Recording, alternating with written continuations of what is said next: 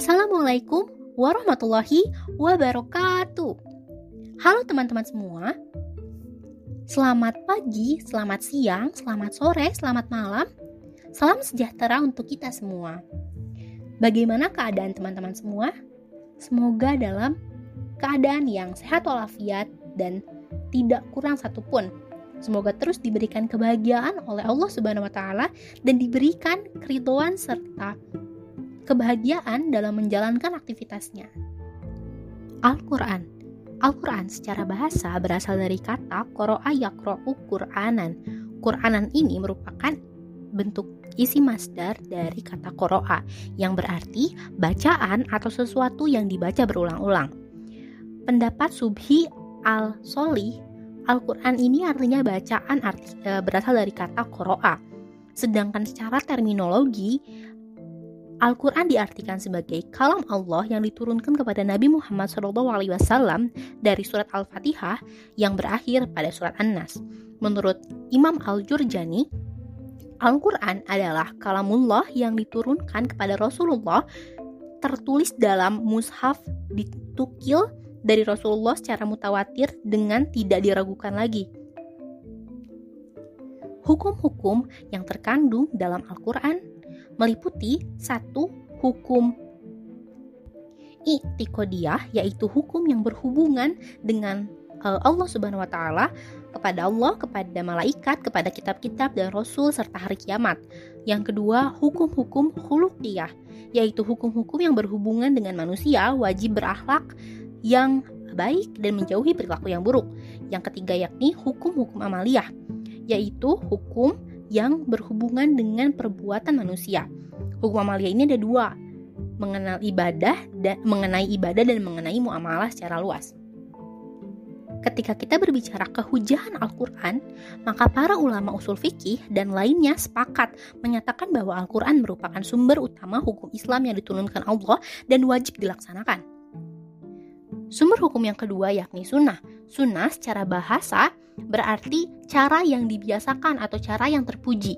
Sunnah lebih umum atau lebih terkenal disebut dengan hadis yang mempunyai arti orib atau dekat, jadid atau baru, khobar atau berita. Pengertian menurut uh, ulama usul, usul fikih, semua yang sunnah adalah jalan hidup yang dilewati atau dijalani atau suatu yang telah dibiasakan oleh Rasulullah SAW. Sumber hukum utama Islam yang ketiga yakni ijma. Kata ijma secara bahasa berarti kesepakatan atau konsensus atau disebut juga dengan azam ala syai atau tekad ataupun niat. Atau bisa diartikan kesepakatan seluruh mujtahid Islam dalam suatu masa sesudah wafat Rasulullah SAW atas suatu hukum syariah yang amali ijma sebagai hujah dapat didasari pada yang pertama dasar dalam Al-Quran. Terdapat sumber hukum Islam yang utama, yang ketiga yakni kias. Kata kias berasal dari kata kosa yang artinya ia telah mengukur, merupakan fiil maldi yang artinya ia telah mengukur. Dan e, fiil mudorinya ya koisu yang artinya ia sedang memukul.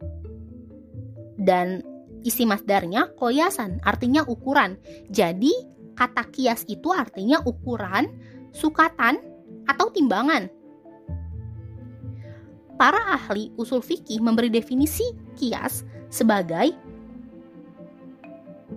pengeluaran hukum yang sama dari yang disebutkan kepada yang tidak disebutkan dengan menghimpun antara keduanya atau juga didefinisikan sebagai pembandingan yang di diamkan kepada yang dinaskan atau diterangkan karena ada ilat hukumnya.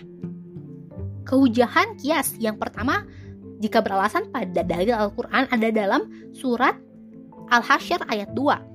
Jumhur ulama usul memandang kias dapat jadi hujah atas alasan ayat tersebut.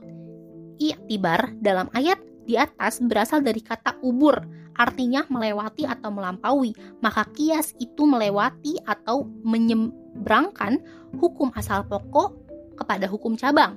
Jadi kias ini merupakan pemisalan atau hukum cabang dari apa yang disebut atau dinaskan dalam Al-Quran. Untuk sumber-sumber hukum yang masih diperdebatkan, itu dibagi menjadi yang pertama al-istishab, yang kedua al-maslahatul mursalah, yang ketiga al-istishan, yang keempat qaulul sahabi, yang kelima sadul zaroi, yang keenam syar'un man qoblana, yang ketujuh dalalah al-ilham, yang kedelapan al-uruf.